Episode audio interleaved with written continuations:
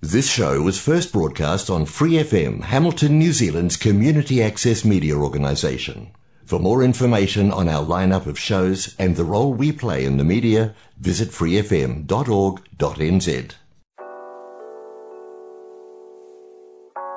He mea hanga tēnei hōtaka e ngā pūtea tautoko o ngā reo irirangi te motu.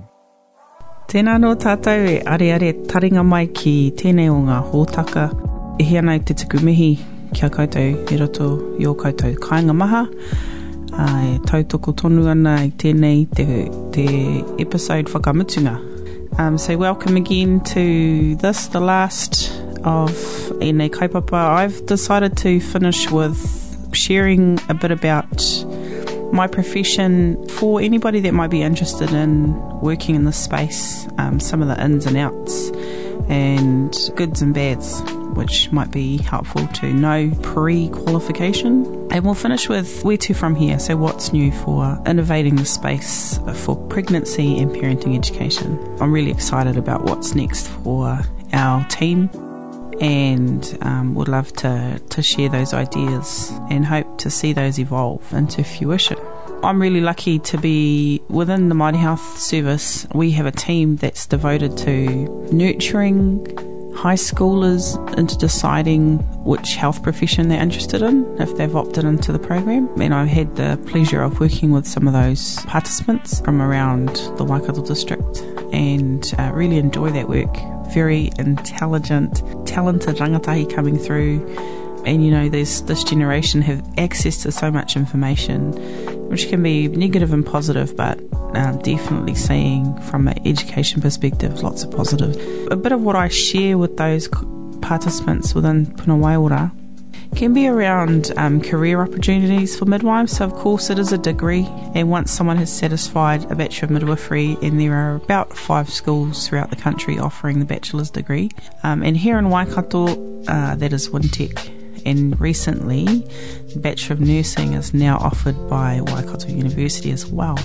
And I think that's great because choice is fantastic. So, if you have the choice, um, and there's competition within the environment, well, it's only going to stimulate innovation for those students, and they have the right to those choices. So that's pretty cool for the Waikato area. Um, anyway, so midwifery is offered by Wintec at this stage within the Waikato region, and it is a four-year degree. Um, and they are doing whatever they can to help, and um, excited to hear the ministry is um, offered a bit of investment in supporting students through to completion. So the midwifery degree does have a high attrition rate, and that is a priority that we bring that down. And that means um, while uh, quite a lot of people will enrol in the first year, traditionally between about 60 to 80 students will enrol for first year. Um, the graduation point can be a lot less than that, so usually about 25 to 30. Um, so, for that reason, um, getting through the degree proves to continue to be a challenge for a lot of people. What's great about midwifery is you are an independent practitioner. So, other health careers require you to be under um, a service, but with midwifery, uh, an autonomous, you become an autonomous practitioner as long as you maintain the conditions of practice um, and that means you can practice on your own just like a GP does in the community. Um, and for that reason, you are self employed uh, business owner and can earn as much as you work, meaning if you work hard, um, you can you can be earning something like a senior salary in your first year practice. While not many people get into this profession for the money, it's not you know it's not one of the you know if you want to make make the big bucks. You're going to go and sell Coca Cola to children because the drink sells itself. Um, but if you're in the the uh, business of caring for people, midwifery is a great place to be. Um, and you can still uh, have a great and long career. And some of our midwives are, are well senior and they're still doing this this um, important work. So that's pretty cool to know that you have quite a long um, standing career. The other great thing that's from a career perspective is um, I can work all over the world. um, this, especially in New Zealand, it's um, considered uh, one of the elite um, midwifery services, and meaning we great, grow great midwives and can uh, be employable all over the world. Um, and so, if, if travel is a part of uh, your future and you're wanting to see see uh, or work internationally, it's definitely an option for midwives and most health professions. Um, the other thing that's great is we're, we are essential workers, so we will always have work. Um, it's just the nature of the job, and um, there is a lot of work on. At the moment, we have uh, what's called a deficit, or uh, we don't have enough midwives to um, catch all the babies that's being that are being born, um, which isn't ideal from health perspective or equity perspective. Uh, but it means that there is a lot of work, meaning um, you can move in and around most spaces. Whereas when I first came uh, to be qualified, certain areas were well staffed, and so it was quite hard to say. Say, for example, if I wanted to live in Tauranga or the Hawke's Bay, um, getting a job as a midwife was a little bit more challenging. Um, but now um, most regions have vacancies. Our service is devoted to continuity of care. That means rather than having a variety of different midwives walking in and out of your your life or in and out of your pregnancy, um, you have one that walks alongside you. So that continuity. So you get to, getting to know them, growing a relationship, building trust, um, both in yourself and in others, and then of course, ideally, um, getting the experience that you want. What I enjoyed, and probably the main reason that I chose midwifery, because I knew I wanted to be a health professional, and I dabbled with a couple of ideas of which part of health I wanted to be in. One of the reasons I landed on midwifery was because I love the idea that pregnancy is normal and that women are well and children are well, and um, we aren't going into the abnormal in that space. So, an LMC midwife or a, a community midwife that's an autonomous, autonomous practitioner might spend a lot of time um, in the normal physiological process of pregnancy and birth. Um, so that might be helping women or supporting them to maintain good health, either through education around um, nutrition or activity, that kind of thing. Um, so, what helps to keep a pregnancy or maintain a healthy pregnancy? Um, helping women to give up smoking, that type of thing. So, really working in the well space um, is what I enjoy doing. Um, and even the alternative healings, if you enjoy um, supporting women through pain relief uh, with mirimiri, and you if you enjoy uh, or if you have a special passion um, it might be uh, teaching or uh, encouraging families to become smoke free. Um, it's a great way to do do that work. Another special part of my job is witnessing parents uh, enter te ao papa me te ao mama, so um, taking hold of that space and owning it and you might be teaching them uh, little skills or reassuring them on what a well baby looks like, um, helping them to, to handle initially and then bath their baby, that kind of thing. Um, so I love seeing the confidence grow within families um, and really take them take ownership of the work they're about to do. Um, it really also is an expression of tino rangatiratanga when we do that. Um, so we provide information and support um, and walk alongside new families, but also um, nourish the plan that they designed, that they wanted to achieve. So, what makes a great midwife is probably someone that enjoys um, infants and motherhood. Um, a special pa- passion for breastfeeding, so knowing and understanding the benefits of breastfeeding is, is pretty important, and um, having uh, the, the passion and the heart for early intervention. So if we can problem solve early, uh, we can support women to stay um, or maintain breastfeeding for longer. And if you understand how how beneficial that is for infants, um, that sets them up for success.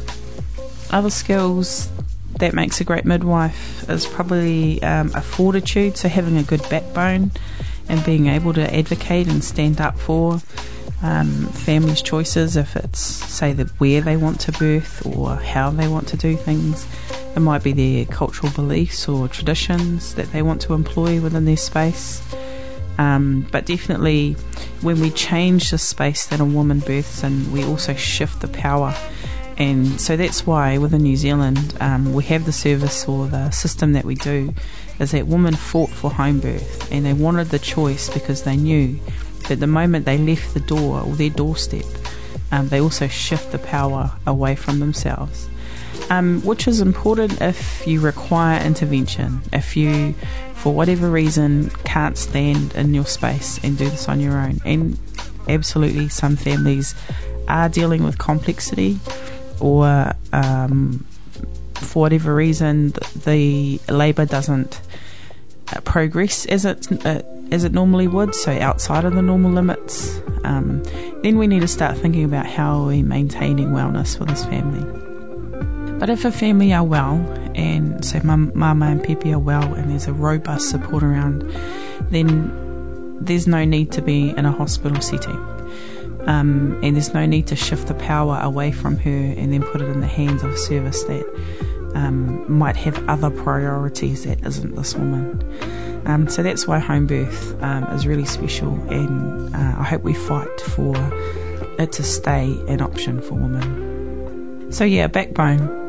Um, having a good backbone and being able to stand up for women's rights um, is pretty important. And also whānau rights, because we, we can uh, be very woman focused, but actually, she's lots of research to support the idea that um, the better or mo- more robust the support service or support system is around this wahine, um, the better her outcomes will be. And so, um, making sure we're including whānau in that that discussion. Some of the work conditions, if if you are a a self employed midwife working in the community, so a business owner taking on your clients and then um, supporting her through continuity, meaning walking alongside her throughout the journey of her pregnancy and then birthing her. There is the need to be on call, and that can be sometimes a stressful work condition. So it's a little bit of the downside of the job. And some midwives do great in this space, like they still maintain um, a routine and they stay on top of their well-being and um, have really good support within their inner circle so that they can, you know, sleep and eat when they need to and then leave for work when they need to. Um, that's really vital, I think, to the success of being an LMC. Like me, many will do LMC work for a period and then stop it for a period, and so what that means is you're getting trying to achieve a balance that way. So, three years being on call and then three years off. What I love about that work is that you grow real special relationships with families. And um, I can think about some of them now um, with really fond memories um, and enjoyed every single moment um, looking after a certain wahine and certain whānau. And so I wouldn't have had those memories or experiences had I not been LMCing. So it is very, very special work.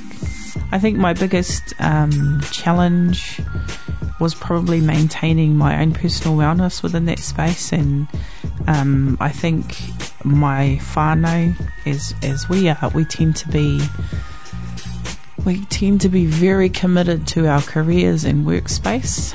So, for example, if I said to my inner circle, I'm going to work, there'd be no question at all as to um, how important that is. So, I think we call ourselves um, workaholics. Um, and so, we've got this cultural workaholic system going on within my inner circle. So, because of that, I found um, maintaining my own personal wellness, um, I kept de escalating it, as in putting it to the bottom of the list of priorities, and um, would have to leave LMC work in order to reprioritise my own health recently. So, I guess what I'm lacking there is some of those skills that good midwives need and need and so that means so the ability to manage your time, um, be caring but efficient, uh, work well under pressure and then move on. uh, be mature and responsible, so set boundaries and reflect, I guess, reflect on whether or not you're achieving those skills. Other great skills to have if you're wanting to be or considering a career in midwifery is to be able to stay calm during emergencies. Um, as an autonomous practitioner, especially community based, you're going to be the leader of an emergency. So um, having that good, strong confidence or sense of self to be able to say, this is the emergency that's taking place right now, and this is how we're going to manage it. And I really want you to do this thing, whether that's calls for some help or um, move um, a patient, that kind of thing. Um, so you do need uh, really good decision making skills. Some a common question that we get from the kura when we are working in, with Puna Waiora is do you have to, is it, is it a good idea to be a mum first before becoming a midwife or a dad first because there are papa or um, male midwives? And the, the answer is um, not generally no. I mean, experience with children is um, great and, uh, you know, it's one of those additional tools in the kete. But if um, you think about, say, a physio, they didn't need to rupture a, um, a, ligament or break a muscle, tear a muscle, in order to be good at their jobs as physiotherapists. And so um, it's real similar application here. You don't need to have birthed the baby in order to be a good midwife. And in fact, I think sometimes it's good to have a fresh or neutral or be outside looking in because you, you come in with no um, preconceived ideas. Um, it's good to know yourself, though. Have a good, strong sense of identity. Um, have a passion for educating, as in um, upskilling families, because you are going to ideally um, meet them at a place and move them along um, from their knowledge and skills with respect to their pregnancy. Um, so you might want to be or enjoy teaching or counselling. So you might come across a family that are um, struggling with conflict with within their relationship. Um, and so, no, you don't need to be an expert counsellor, but sometimes you need to um, make suggestions around some of the skills that are needed in order to manage conflict. If you have um, other health related work or you've worked as a um, other health professional, um, particularly impre- I am particularly impressed by our healthcare assistants that become midwives or maternity aides that become midwives. They make great midwives, and so if you are thinking about a career but not too sure, um, considering a healthcare assistant role within a hospital, some in, in some area, is a great place to start. So, types of places that people can work. You can, if you're a midwife, you can, of course, I've already talked about it thoroughly, which is that um, LMC or lead maternity carer based in the community, self employed, and taking on um, clients throughout the year. So, that's one space. Um, primary birthing units, so that's uh, women that are normal, as in no complications.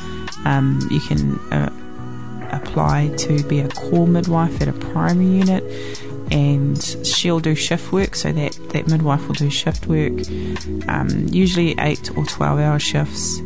And um, women are admitted into the primary unit so they might have might be birthing their baby or had a baby.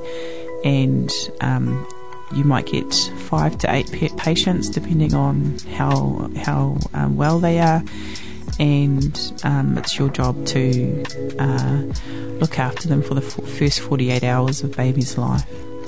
So, what I mean by look after them, um, you might be teaching a mama to breastfeed, you might be a second or supporting someone during a birth um, as, as a second midwife. So, the first midwife is there leading, that would be the LMC. As a core midwife, you might, you might respond to a bowel if she needs help with something. It might be getting a warm towel to help warm baby or um, something more urgent. So, other places of employment for midwives um, might include education or tertiary services, so Wintec or um, Auckland University. Um, employ midwives to deliver um, the degree. So that's ideal if you have a passion for teaching or research and wanting to do some postgraduate study. It's a great place to do that. And of course, there's no shift work no, generally no weekend work or nights. So um, it's one of those spaces that you can move into briefly if you are wanting a break from on call work. My favourite part of the job would have to be the connections and the relationships. So, whether that's professional relationships and getting to know and trust in the skills of my colleagues around me and um, really respect them for what they know and what they do. Um, and then, you know, seeing them execute those skills um, within, say, for example, if you're responding to an emergency and just watching those um, those specialties take over, um, or the connections that you make with uh, families that you're looking after. Um, and you can do that in all of those settings. You know, if you uh, really make um, a difference for a family, um, the women and families are, are, great at letting you know um, if they've appreciated or um, appreciated the learnings or the teachings that they've taken away from their time with you. So, never free of praise. We are always loaded with praise um, and developing connections and relationships with families. Um, mainly because it's a special time, but also it's a challenging time. Whether it's the idea of birthing that's creating anxiety for a family and working hard on reassuring her that she's uh, designed to do this work, that her every cell in her body is designed to do this really well, and that her and her baby are well and healthy, and um, or um, teaching a papa that his hands are um, safe hands, and that you know they can often come into the space feeling um, like they're gonna have to learn lots of stuff, but I love um, reminding them that they're gonna do one skill five times a day, and by the end of the week, they would have had it have done that 30 to 35 times in that week, and therefore mastered it in the first seven days. Um, so whether that's changing a nappy or carrying baby or putting baby to the breast, um, it doesn't take long before you can't become quite unconscious um, in your attempts or approach to parenting. And I liken it to driving a car. So if you've um, thought about when you first learned to drive, you might have read your learner's license, you know, as a as a the theory, and then of course got behind the wheel and really thought long and hard about what was going on. And so parenting can be really similar to that. So um, eventually you get to where you're going without thinking too hard about it. Um, and that's what's great about the work that we do. So, to conclude this series, I'd like to finish with what's next for Hapu Wānanga. So, what's next for the space, and what are the innovations that we look forward to implementing? And so, we're really excited about the idea of evolving our program, so making it better and bigger, and that'll start with an evaluation. So, getting an independent evaluator to come and have a look at what we're doing and tell us what's good and what's not good or where we can do better. And that will give us guidance as to what we want to change. But we're really excited at the idea of getting uh, kairaranga on the team, so someone that can weave and uh, be able to sit with women and uh, offer wahakura wānanga on a weekly basis. Um, and the reason or the rationale for that is to transition away from uh, the plastic pods. Not to not to deter, they're great, um, and we are about to start a return service. So all the families that have received pods over the last five years uh, have the ability to return them to us, and we will um, reissue them, clean them down, put new bedding inside, and then reissue them to families. Um, and so a recycle or reuse of pods is going to be the new um, way we work forward, but also make wahakura um, the primary device. Um, and we can't do that without our weavers, of course. So we're really excited about the idea of getting um, more su- working closely, working more closely with our with our weavers, and offering that service to women. We're wanting to expand our breastfeeding service. So at the moment we have a, a Waiu Waikato has a breastfeeding uh, lactation consultant who's basically a, a, a, breastfeeding specialist. She calls herself the booby lady. Um, she's really great, but she needs help. So we're excited about the idea of um, growing her team and getting her a kaiawhina uh, or uh, breastfeeding kaiawhina. So if not one, then two um, which will just mean that she has more hands to help her support women and families with early intervention around breastfeeding. The other exciting part is we want to be able to offer more wānanga, so we're going to need more facilitators, um, and uh, the way that we will be able to achieve that is by running um, a more comprehensive online course to to alongside, to sit alongside the wānanga space itself. So give more access to women that are sitting in, say, the r- remote rural areas that won't always be available to attend wānanga or have access barriers, um, and even a physical module, um, a booklet that they can complete would be um, the next project that we're about to start or launch. So, overall, we're looking at expanding and broadening our capability, developing our workforce so that we can have more team members and uh, just do this work in a bigger, better way. Thank you for listening. If you want to get in contact with our team, you can go to the Waikato DHB website forward slash hapuwananga You'll see all the contact details there. We do have a Hapu Wānanga email, which is hapuwananga at waikatodhb.health.nz. Our cell phone number 027 331 0029. Our social media, Hapu Wānanga ki Tainui, Facebook page and Instagram.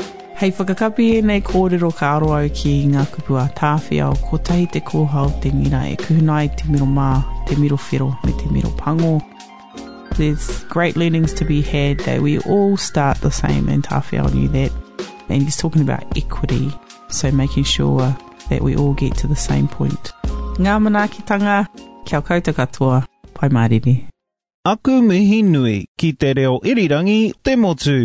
Tēnā koe ko Murdoch tēnei, te kai whakarite pāpāho Māori ki tuia ngā reo o te hāpuri. Tēnā koe, it's Murdoch, Māori Media Coordinator here at Free FM. And we're really excited about all the new Māori focused content currently playing on Free FM. But we can always do more. So if you have kōrero you want to share with us, i roto i te reo Māori in the Māori language, or with a Māori kaupapa, then email me, Media at freefm.org.nz. Thanks for listening to this Free FM podcast. If you want to hear more content like this, you can support Free FM via Patreon. Head to patreon.com slash freefm89 to find out more.